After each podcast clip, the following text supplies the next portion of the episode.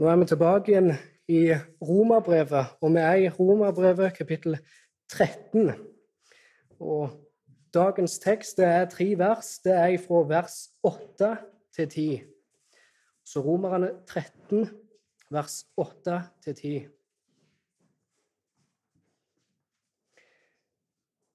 I Jesu navn. Bli ikke noen noe skyldig uten det å elske hverandre. For den som elsker sin neste, har oppfylt loven, forbudene. Du skal ikke drive hor, du skal ikke slå i hjel, du skal ikke stjele, du skal ikke vitne falskt, du skal ikke begjære, og hvilket annet bud det skulle være, blir alt sammenfattet i dette ord. Du skal elske de neste som deg selv. Kjærligheten gjør ikke noe ondt mot sin neste.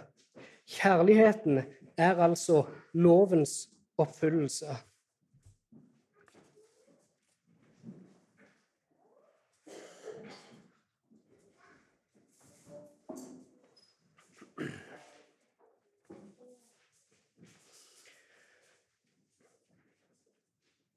Hvis du spør folk i dag hva er kjærlighet, så vil du nok få mange forskjellige svar. Og Det som nok ofte er en fellesnevner for de forskjellige svarene, er at kjærlighet egentlig bare ikke blir mer enn en koselig tanke eller en fin følelse. I dag hører vi jo ofte 'Love is love' er jo et populært mantra. Kjærlighet er ingen grense. Alt er tillatt i krig og kjærlighet. Kjærlighet er altså et viktig konsept for alle mennesker i dag. Og som ofte så blir det bare opp til den enkelte å definere hva kjærlighet er. Men ofte så er kjærlighet noe som blir brukt som en anledning eller tillatelse til å gjøre hva en sjøl vil, uten at noen skal kunne kritisere deg for dine valg. For oss kristne så er jo kjærlighet et viktig tema. Bibelen forteller oss at Gud er kjærlighet. Og mange kristne vil framholde Guds kjærlighet som hans øverste attributt over alle andre. Som f.eks. hans hellighet, hans rettferdighet osv. Og, og blant en del kristne så er kjærlighet blitt et så stort og viktig aspekt av deres liv og teologi at en helst er begynt å bite på denne samme tanken som vi ofte ser i verden ellers i dag, at så lenge ting er gjort i kjærlighet, så er alt tillatt. Mange kristne gjør også denne feilen med at eh, de setter en kontrast mellom kjærlighet og Guds lov. For en typisk tanke er jo at loven det er bare regler og plikter som er noe strengt og hardt. Men kjærlighet, den er ekte. Den kommer fra hjertet vårt. Og derfor er det hjertet vårt som må få framsete i å lede eh, livet vårt. Jeg vil gjerne si at eh, enten så lever vi etter loven, eller så lever vi etter kjærligheten. En ser et skille mellom Guds lov og kjærlighet. En ser på de to som to parter som står i opposisjon til hverandre. Men som vi skal se i dag, hva Paulus sier om dette, så vil vi se at disse to konseptene, kjærlighet og Guds lov, ikke er i opposisjon til hverandre, men de er faktisk i harmoni. Og vi skal se det at Guds lov faktisk er gjennomsyra av kjærlighet. Så ut ifra dagens tekst skal vi se på to punkter. Vi skal se det at eh, vi er faktisk skyldige til å elske vår neste og om denne kjærligheten så skal vi se at den gjør ikke noe vondt mot sin neste. Så for de som tar notat, så kan jeg notere punkt N skyldig til å elske sin neste. Og punkt nummer to det er kjærlighet gjør ikke ondt.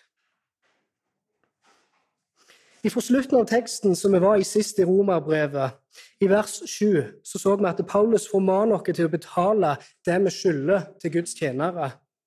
Om det er i form av penger, om det er i form av ære, vise frykt til de som skal ha frykt, respekt til de som skal ha respekt, så er vi kalt til å betale dem for deres tjeneste, og at vi faktisk skylder dem å betale dem. Og Paulus bruker litt samme type økonomiske språk i dag òg i teksten. For som vi kan lese i vers 8, bli ikke noen noe skyldig uten det å elske hverandre. Når Paulus her sier at vi ikke skal skylde folk noen ting, så betyr ikke det at vi ikke kan ha noen form for forpliktelser eller obligasjoner. At det ikke er rett eller at det ikke er lov å ha huslån, billån eller andre ting relatert til økonomi. Men poenget her er at eh, vi skal ikke stå i gjeld til folk på en sånn måte som vil være inkonsekvente med plikten eh, til å elske vår neste. Og hva mener jeg med det? For en sann kjærlighet, den gjør godt mot sin neste. Hvis en har ei gjeld og ikke betaler den, så betyr det bare at du ikke elsker vedkommende. Hvis du lar være å betale, så elsker du ikke de neste, han som du skylder å betale. Så vi skal ikke stå i gjeld til noen som vil føre til at vi ikke er i stand til å gjøre vår plikt til å elske vår neste. Vi skal ikke gå inn i forpliktelser eller ha uvise lån som gjør at det, vi er ikke i stand til å kunne betale tilbake, og med det ikke kunne elske vår neste. Noen vil gjerne gjøre dette utsagnet av Paulus absolutt, altså at det gjelder for alle aspekt til alle tider, og si at vi skal ikke stå i gjeld til noen i det hele tatt, og at det er galt å ha noen form for obligasjoner til å betale andre. Men jeg vil si at det er å dra det litt for langt. Bibelen forteller oss om forskjellige økonomiske aspekt som vi kommer opp i hverdagen. I Lukas 6, 35 eh, så sier Jesus at vi skal elske våre fiender, vi skal gjøre godt mot dem, og han sier også vi skal låne ut til dem, uten å forvente å få noe tilbake. Vi kan også lese i 5. Mosebok 15, fra vers 7 til 11, så kan vi lese om hva loven sier om å låne ut til den fattige. At vi skal låne ut til den fattige, så han kan få det som han trenger. At du ikke skal gjøre det med et vondt hjerte eller en baktanke om å prøve å fange den. Men du skal villig låne ut, og du skal gjøre det med et, glad, et, et hjerte som er glad og ikke bedrøvet. Og når du gjør dette, når du låner ut til den fattige og gjør det med et godt hjerte, så vil Gud velsigne deg for dette. Og han vil velsigne deg i alt ditt arbeid, sier teksten fra 5. Mosebok 15. Så muligheten det å kunne låne ut penger er sterkt knytta sammen med eh, velsignelse i paktsforhold med Gud. I 5. Mosebok 23 så snakker det om at det ikke er lov å kreve rente av sin bror, men at du kan gjøre det fra en fremmede. Og Andre Mosebok 22 viser oss at det er innenfor bibelske rammer å låne. Tre Mosebok 25 viser oss at loven beskytter faktisk den som låner penger, og prøver ikke å skade den som låner. Bibelen den har mye å si om når det gjelder enten låne eller å låne ut. Men det som iallfall kan si, det er at det er bedre å låne ut enn å låne sjøl. For den som låner ut, den stiller sterkere. Den som låner, stiller svakere. Og dette knyttes jo også sammen med teksten vår i dag.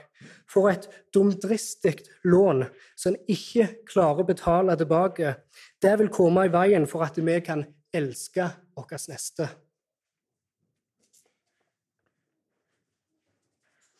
De fleste form for gjeld som vi har i dag, det kan vi bli kvitt. Vi kan betale det tilbake. Og vi kan få det ut av verden. Men for oss, for vi som tror på Jesus, så er det en gjeld vi ikke klarer å betale fullt ut mens vi ennå lever her. Og det er det å elske vår neste. Det er en gjeld som står alltid framfor oss, og som vi kontinuerlig jobber med, og som ikke vil være i stand til å kunne betale tilbake så lenge vi lever her.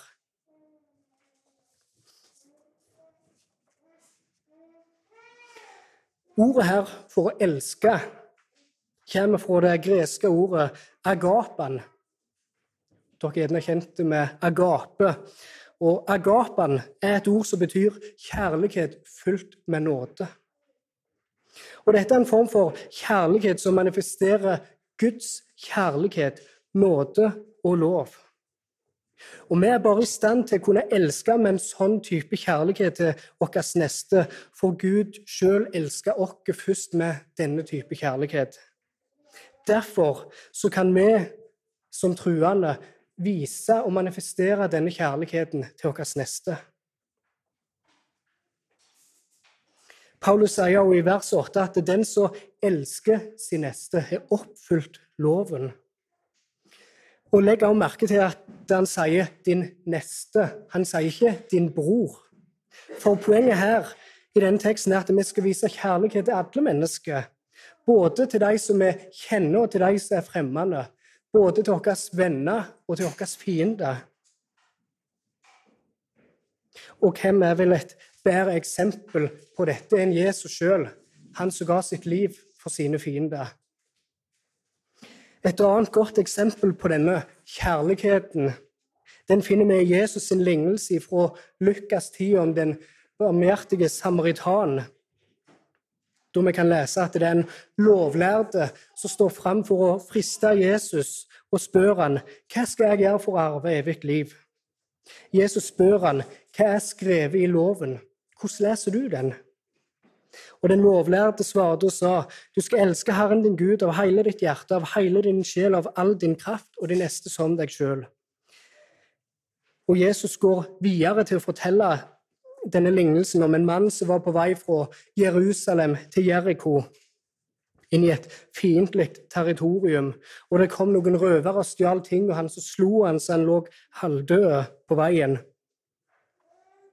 Og Jesus forteller at det kom en prest til dette området der denne mannen lå. Han så dette offeret ligge der, men han gikk bare forbi på andre sida. Og så kom det en levitt forbi denne mannen som var sleien. Han gjorde akkurat det samme, gikk forbi på andre sida. Så det, nå har Jesus sett både prestene og levittene i et dårlig lys, sett stikk til han som frista Jesus med dette spørsmålet i begynnelsen. Men Jesus forteller videre at det kom en samaritan forbi, en hedning. Og han fikk dyp medlidenhet over den mannen som lå halvdød på veien. Han forbandt såra. Han tok han opp på sitt eget dyr og tok han med til et vertshus for å ta vare på han. Og han ga, og han ga beskjed til husverten at det det koster for dere å ta vare på denne mannen, det skal jeg betale for sjøl. Og I slutten av denne lignelsen så spør Jesus hvem av disse tre syns du var en neste for han som falt iblant røvere? Og den lovlærde svarte, han som viste miskunnhet. Og Jesus sa, gå du og gjør det samme. Denne samaritanen i denne lignelsen han gjorde det som Paulus beskriver i denne teksten. Han oppfylte loven. For han viste kjærlighet mot sin neste, ikke bare i følelse med dyp medlidenhet, men også med handling om at han rensa såret hans og tok vare på han.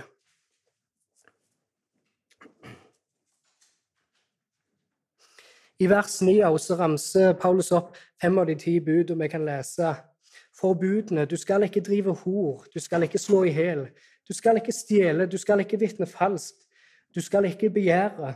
Og hvilket annet bud det skulle være, blir alle sammenfattet i dette ord. Du skal elske de neste som deg selv. Det Paulus gjør her, han nevner bud som omhandler vårt neste. Og han sammenfatter alt med å si at dette koker ned til at du skal elske de neste som deg sjøl. Og dette uttrykket 'elsk de neste som deg sjøl' blir gjentatt gang på gang i Bibelen. Vi ser det i Lukas 10, den lignelsen vi gikk gjennom, lignelsen om den barmhjertige samaritan. Vi ser det i Matteus 22, fra vers 36 av, der Jesus igjen får spørsmål fra en lovlærde. Og han spør om hva som er det største budet uh, i loven. Og Jesus sier at du skal elske Herren din Gud av hele ditt hjerte, av hele din sjel og av all din forstand. Og han siterer der ifra 5. Mosebok kapittel 6. Og så sier Jesus etterpå at men et annet er like stort. Du skal elske din neste som deg sjøl. Så elske Gud, elske mennesket. Det er loven, kort oppsummert. Guds lov den viser oss hva kjærlighet er. Og loven viser oss hvordan vi utøver denne kjærligheten. Og den viser oss hvordan vi kan utøve den, og vi kan utøve den med å være trufaste, med å bevare liv, med å tale sant, osv. Loven viser oss ikke bare at eh, vi skal elske vår neste, men den viser oss hvordan vi kan elske vår neste òg. Og Det er det som er Paulus sitt poeng her i denne teksten, å vise hvordan vi kan elske vår neste, med at han refererer her til bud og til Guds lov som en standard for hvordan dette ser ut, og som en standard for hva som er rett og godt.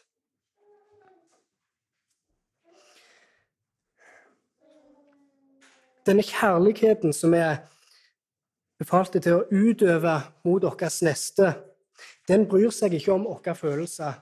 Den bryr seg ikke om hvordan vi tenker om vedkommende. Vi er kalt til å manifestere liv som viser at vi tilhører Gud. At vi er frelste, og at vi er i pakt med Han. Vi er kalt til å elske vår neste som kan være både en venn, men også en fiende. Som kan være en kjenning, men også en fremmed for oss. Vi er kalt til å uttrykke denne agapan, eller denne kjærligheten som er fullt av nåde. For det er nettopp denne samme type kjærlighet som Gud sjøl har vist til oss. Det var en som en gang sa at uh, som kristen så har du ikke rettigheter, du har bare plikt. Og jeg vil si Det er et godt poeng i det utsagnet. For det som Paulus legger fram her, det, det, er ikke rettigheter til å elske vår neste. En rettighet som vi kan avstå fra å gjøre og holde. Men dette her er vår plikt. Vi skylder faktisk å elske vår neste, sier Paulus. Så det er ikke en rettighet vi har, men det er en plikt. I begynnelsen av romerbrevet så erklærte Paulus at eh, den rettferdige ved tru skal leve. Og Det han gjør nå, det er at han legger fram for oss hvordan dette livet til et rettferdiggjort menneske ser ut. Som jeg nevnte tidligere, så finnes det mange forskjellige typer form for gjeld som vi kan betale tilbake og bli kvitt, sånn at det er ute av verden. Men er det en type gjeld som vi alltid har framfor oss, så er det nettopp denne gjelden til å elske vår neste.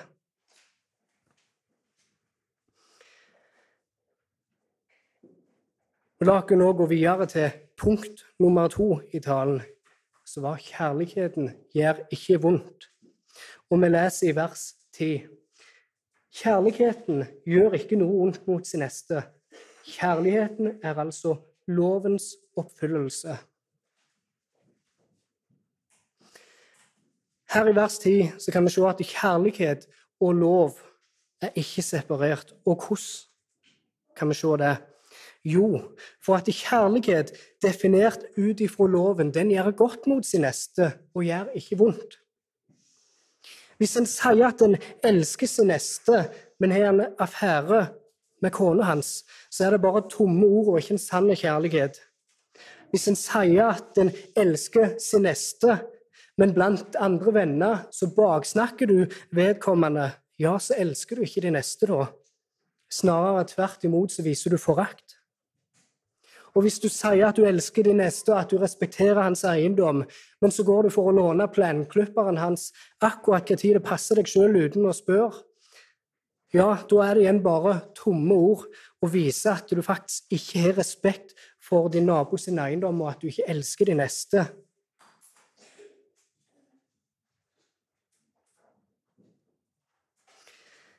Det går ikke an å si som en kristen at eh, en elsker dette konseptet av nestekjærlighet, eller at en uttrykker og utøver nestekjærlighet, men hater loven. Disse to tingene er ikke separert, men de er i harmoni med hverandre. Loven den er gjennomsyra av kjærlighet. Det som da står imot dette her, det er synd og vondskap.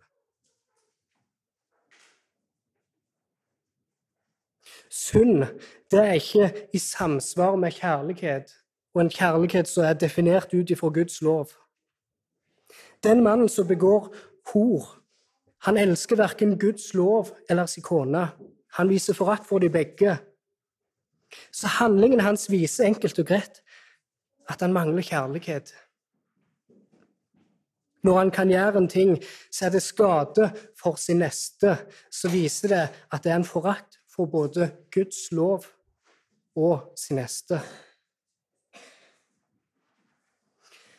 Men den kjærligheten som ikke gjør vondt mot sin neste, men heller godt, det er Guds kjærlighet og Guds lov som jobber i oss, som vi som tror. Og denne kjærligheten, den gleder seg over lykken til vår neste. Den gleder seg i å se at vår neste har det godt. Denne kjærligheten setter andre føre seg sjøl. Søker ikke sitt eget beste, men heller til det som er det beste for sin neste og til glede for dem. Og som vil, eh, og som vil gjøre imot dem det en sjøl ønsker de andre skal gjøre mot oss den gylne regelen. Dette er Guds kjærlighet som er manifestert i vårt liv for vi som tror på Jesus. En kjærlighet som er selvoppofrende og setter andre før seg sjøl og ønsker å se at de skal ha det godt, og ønsker å gjøre godt mot sin neste.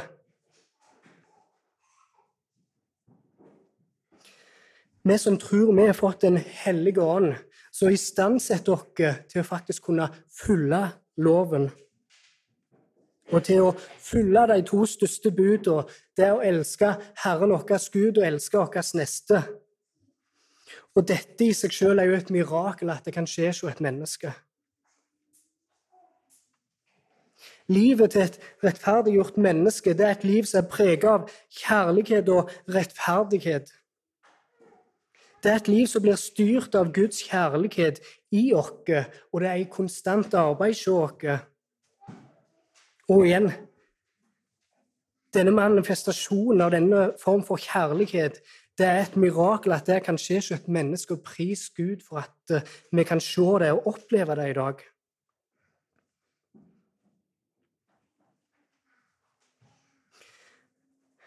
Jeg tror at ut ifra talen i dag, ut ifra teksten i dag, så forstår dere godt at Guds lov og kjærlighet kan ikke skilles ifra hverandre.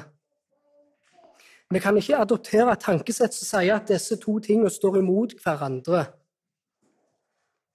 når Bibelen sjøl sier at de er i harmoni, og at Guds lov faktisk er gjennomsyra av kjærlighet.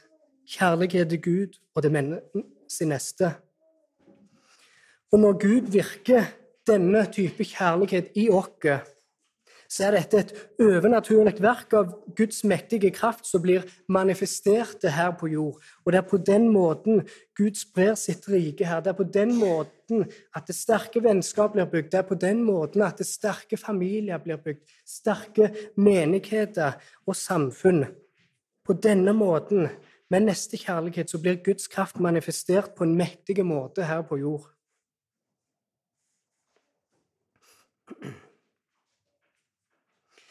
Det at kjærligheten er lovens oppfyllelse, betyr fulgt opp, eller en kan si at det er satt i praksis.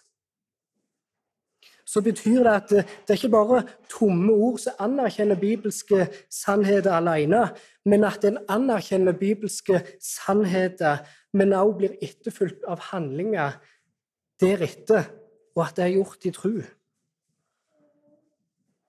Det betyr at vi respekterer vår neste sin eiendom. Vi taler sant. Vi setter ikke ut falske rykter om vår neste. Vi søker etter å bevare liv framfor å ta liv. Dette er lovens oppfyllelse, og dette er bibelske nestekjærlighet satt i praksis.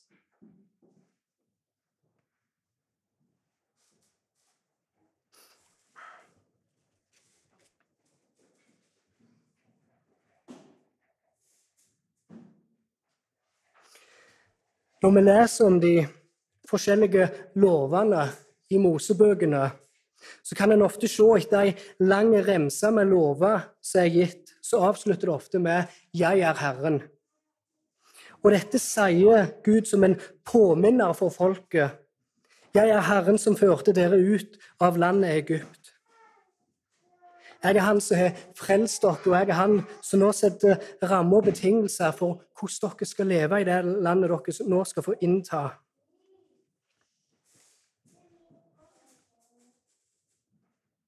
Og når Gud òg sier at 'jeg er Herren' etter å oppbremse ei lang liste med lover, så prøver Gud å lære oss at prøver Gud å lære oss aspekt med Han. For nå, Guds lov den forteller oss hvem Gud er. Og når Gud gir visse lover og sier 'Jeg er Herren', så prøver han med disse å fortelle hvem Gud er.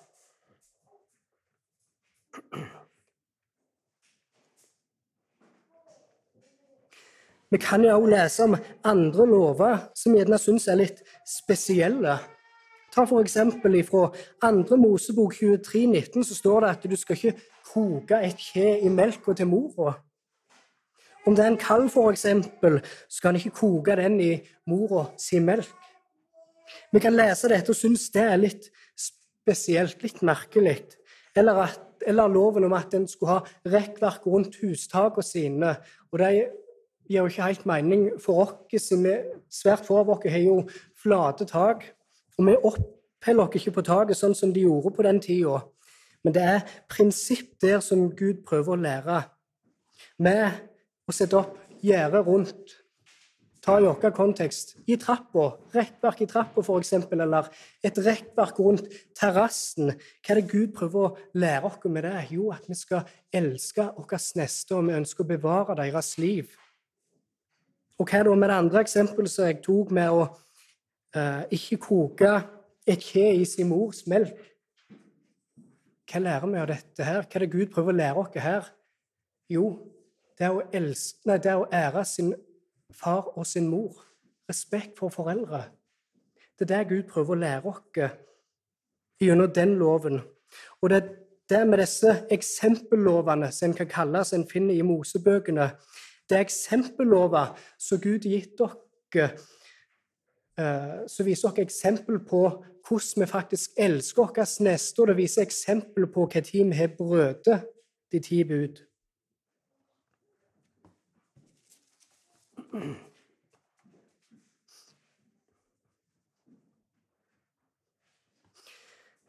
Så Guds lov den lærer oss og viser oss hvordan det ser ut å elske sin neste og når en da elsker sin neste, så har en opp, eller da oppfyller en loven, som Paulus gjentar to ganger her i dagens tekst. Loven trer i kraft i vårt liv når vi elsker vår neste. Og som jeg sa, Paulus gjentar dette to ganger i dagens tekst både i vers 8 og vers 10 at den som elsker sin neste, har oppfylt loven, og at kjærlighet den gjør ikke vondt mot sin neste, men den gjør heller godt. Så er kjærligheten altså lovens oppfyllelse.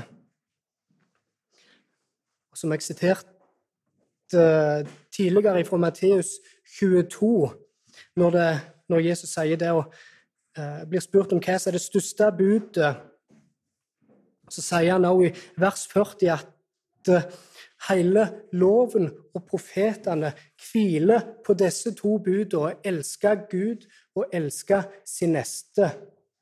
Hele loven som vi kan lese i Mosebøkene, den hviler på disse to budene. Å elske Gud og elske sin neste, så hviler hele denne på disse to. Det er ikke motsatt. At disse to største budene med å elske Gud og elske mennesker hviler på loven og profetene. Men hele loven og profetene hviler på disse to budene. Elske Gud og elske mennesket. Og når vi da elsker vår neste og elsker Gud, så oppfyller vi loven. Den trer i kraft i vårt liv.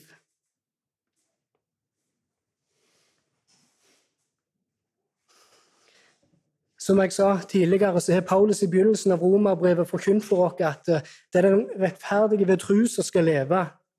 Den som tror på Jesus Kristus, den eneste som kan rettferdiggjøre et menneske. Det er det mennesket som blir rettferdiggjort. Og det Paulus gjør nå, det er at han viser oss hvordan er det et rettferdiggjort menneske skal leve. Hvordan ser livet til et rettferdiggjort menneske ut? Det er et liv som vandrer i Guds kjærlighet og nåde. Et liv i etterfølgelse av Guds lov. Og Guds lov, den er gjennomsyra av kjærlighet. Til slutt i talen vil jeg trekke fram to formaninger til dere alle. Og Det ene er at uh, vi må ta oss i vare for å ikke gjøre som mange kristne gjør i dag, og sette et skille mellom kjærlighet og Guds lov. Prøve å sette dem opp som en kontrast, som om det skulle være fiendskap mellom disse to. Og Hvis jeg kan bruke et bilde for å prøve å forklare dette, så er loven, så er Guds lov som ei elv. Og kjærlighet, det er vannet som renner gjennom denne elva. Hele elva er gjennomsyra av vann. Altså hele Guds lov er gjennomsyra, fullt opp av kjærlighet. Så på samme måte så kjærlighet fyller loven på samme måte så definerer loven for oss hva kjærlighet faktisk er, og hvordan dette ser ut i praksis. Men hvis vi bare vil fylle denne elva med egne definisjoner på hva kjærlighet er, og at det bare blir opp til oss, så blir det ikke mer enn bare sorpevann i den elva som til slutt vil skade oss, og vi drikker fra den kilden. Men la Bibelen få være den som definerer for oss hva som er sann kjærlighet mot deres neste, og hvordan det ser ut. Og dette vil vi forstå ut ifra Guds lov. Og Det er jo derfor også Paul sjøl siterte ifra buda for å gjøre dette klart for oss. Hvordan ser det ut å elske sin neste? Jo, Guds lov viser oss det den viser oss ikke bare at vi skal elske vår neste, men den viser oss hvordan vi kan gjøre det.